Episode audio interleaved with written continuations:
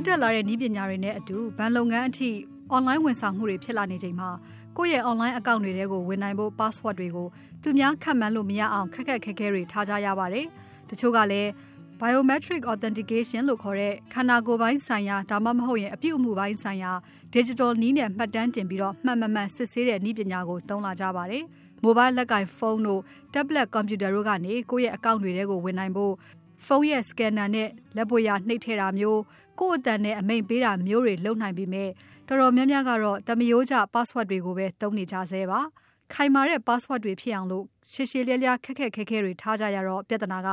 အဲ့ဒီ password တွေအားလုံးကိုမမှတ်မိကြတာပါ။ online မှာကိုသုံးတဲ့ website တွေဝန်ဆောင်မှုတွေများလာလေမှတ်ရတဲ့ password တွေများလာလေမို့အားလုံးကိုမှတ်မိတဲ့သူကတော့ရှားပါတယ်။အခုခေတ်ကတော့သိတဲ့အတိုင်းပဲ account တွေကလည်းအများကြီးပဲကိုယ့်ရဲ့ကိုယ်ပိုင် account တွေရောလုပ်ငန်းခွင်မှာသုံးတဲ့ account တွေရောပေါ့ ကျွန်တော်ထင်သလောက်ဆိုရင်ကျွန်တော်မှာ20လောက်တော့ရှိမယ်လို့ထင်တယ်အဲ့တဲကအကုန်လုံးတော့မမှတ်မိဘူးတချို့ဟာတွေကြတော့လဲချပြီးတော့ရေးထားတာမျိုးရှိတာပေါ့လေအကောင့်ဘယ်နှခုရှိလဲလို့မေးရင်တော့ဘယ်နှခုရှိမှန်းကိုမပြောတတ်တော့ဘူးအများလုံးလို့လေလာစာပဲဖြစ်ဖြစ်ကျမရေးပဲဖြစ်ဖြစ်စုကြေးပဲဖြစ်ဖြစ်အဲ့လိုမျိုးတွေနဲ့ပတ်သက်တဲ့ဟာတွေကလည်းအကောင့်တွေကအများကြီးဆိုတော့ တချို့ဟာလည်းဟို password တစ်ခုတည်းထားလို့ရတာရှိသလိုတချို့ဟာကြတော့လေသူတို့ရဲ့လုံခြုံရေးအရာ password တစ်ခုတည်းထားလို့မရတာတွေရှိရပေါ့နော်ဆိုတော့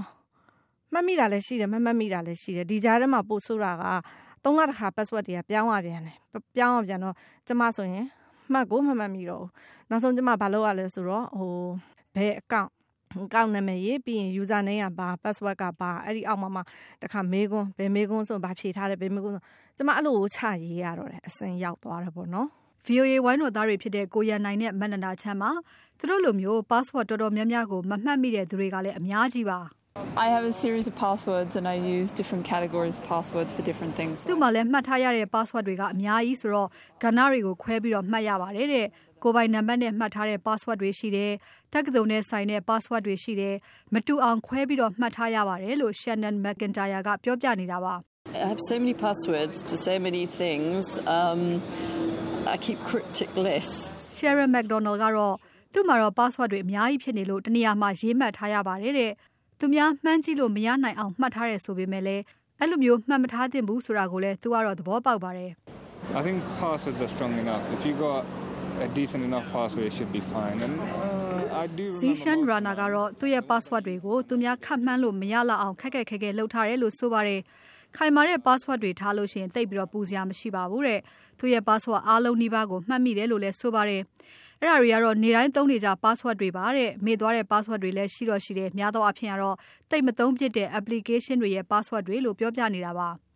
အခုလိုမျိုး password တွေခိုင်အောင်ထားရမှတ်ရတဲ့ပြဿနာကြောင့်လွယ်လွယ်ကူကူကဏ္ဍလေးလုံးလောက်ပဲထားစရာလိုတဲ့နည်းပညာမျိုးတွေကိုလည်းထွင်းနေကြပါတယ်။ biometric authentication မှာ behavioral biometric လို့ခေါ်တဲ့နည်းပညာကတော့ password စလုံးတွေခဏန်းတွေကို touch screen ဖုန်းပေါ်မှာနှိပ်တဲ့အခါကိုယ့်လက်ရဲ့အဖော့အဖိအရွှေ့ အနှင်းအမြန်ကိုမှတ်ထားပြီးတော့ ကိုတကယ်ဟုတ်မဟုတ်ဆိုတာကို ခွဲခြားပေးတဲ့နည်းပညာပါ behavioral biometric နည်းပညာနဲ့ဗန္နာရေးလုပ်ငန်းသုံးရည်ရွယ်တဲ့ mobile application တွေကို ထွင်းနေတဲ့ ကုမ္ပဏီတစ်ခုကတော့ လန်ဒန်မှာအခြေစိုက်တဲ့ Aim Brain ဖြစ်ပါတယ်။ Aim Brain app တွေကကဏ္ဍလေးလုံးကိုပဲ မှတ်ထားစရာလိုပါတယ်။သူတို့နည်းပညာကိုသုံးတဲ့ ဘဏ်တွေရဲ့ online ဘဏ်စာရင်းကိုစစ်မယ်ဆိုရင် အဲ့ဒီကဏ္ဍလေးလုံးကို နှိပ်လိုက်ရုံပါပဲ။ the biggest problem we see with passwords is the user experience one. People need to remember long sequences of random characters. password နဲ့ပတ်သက်လို့အကြီးဆုံးပြဿနာကတောင်းရတဲ့သူတွေရဲ့အတွေ့အကြုံပါ။အစီအစဉ်တကျမဟုတ်တဲ့စာလုံးရှည်တွေကိုမှတ်ရတာမျိုးဆိုတော့လူတော်တော်များများကမမှတ်နိုင်ကြပါဘူး။အဲ့ဒီပြဿနာကို biometric နည်းပညာကဖြေရှင်းပေးပါတယ်။ကိုဘယ်တော့မှမိမှမဟုတ်တဲ့ကိစ္စမျိုးကိုလုံနေကြအလေးထားမျိုးကနေဘာမှထူးပြီးလုပ်စရာမလိုပါဘူး။သူ့ရဲ့အပြုတ်မှုကိုမှတ်ထားပြီး ဒီလူအစ်စ်ဟုတ်တယ်မဟုတ်ဘူးဆိုတာကို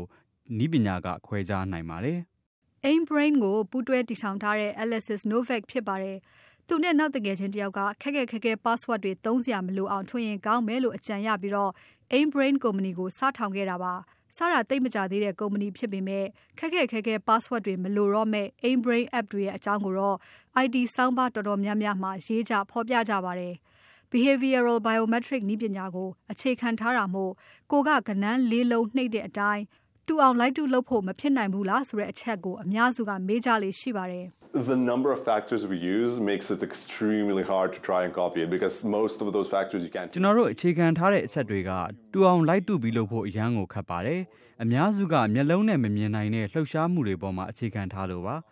သူနှိပ်တဲ့နှုံမျိုးနဲ့ကိုကလိုက်ပြီးနှိပ်တယ်ဆိုရင်တော့အတိအကျတူဖို့တိတ်ကိုခက်ခဲပါတယ်စကရင်ကိုသူနှိပ်တဲ့အခါဖြစ်သွားတဲ့ဖိအားတို့အရှိန်တို့အဲ့ဒါမျိုးမမြင်နိုင်တဲ့အသေးစိတ်အချက်အားလုံးကိုဤပညာကခွဲခြားစီစစ်နိုင်ပါတယ်အခုလိုကိုယ့်ရဲ့အပြုအမူကိုအခြေခံတဲ့ behavioral biometric authentication နဲ့စစ်ဆေးတာအပြင်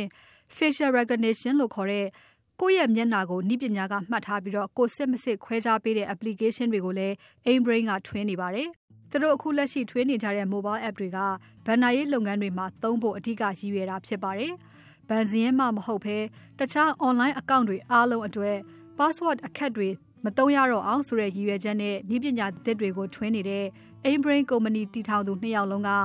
ရှေ့ဆက်ပြီးတော့ password တွေကိုသုံးနေဖို့လိုအောင်မှာဖြစ်ပေမဲ့ခက်ခဲတဲ့ password မျိုးတွေမှတ်စရာမလိုတဲ့အခြေအနေကိုရောက်လာတော့မှာဖြစ်တယ်လို့ပြောကြပါတယ်ရှင်။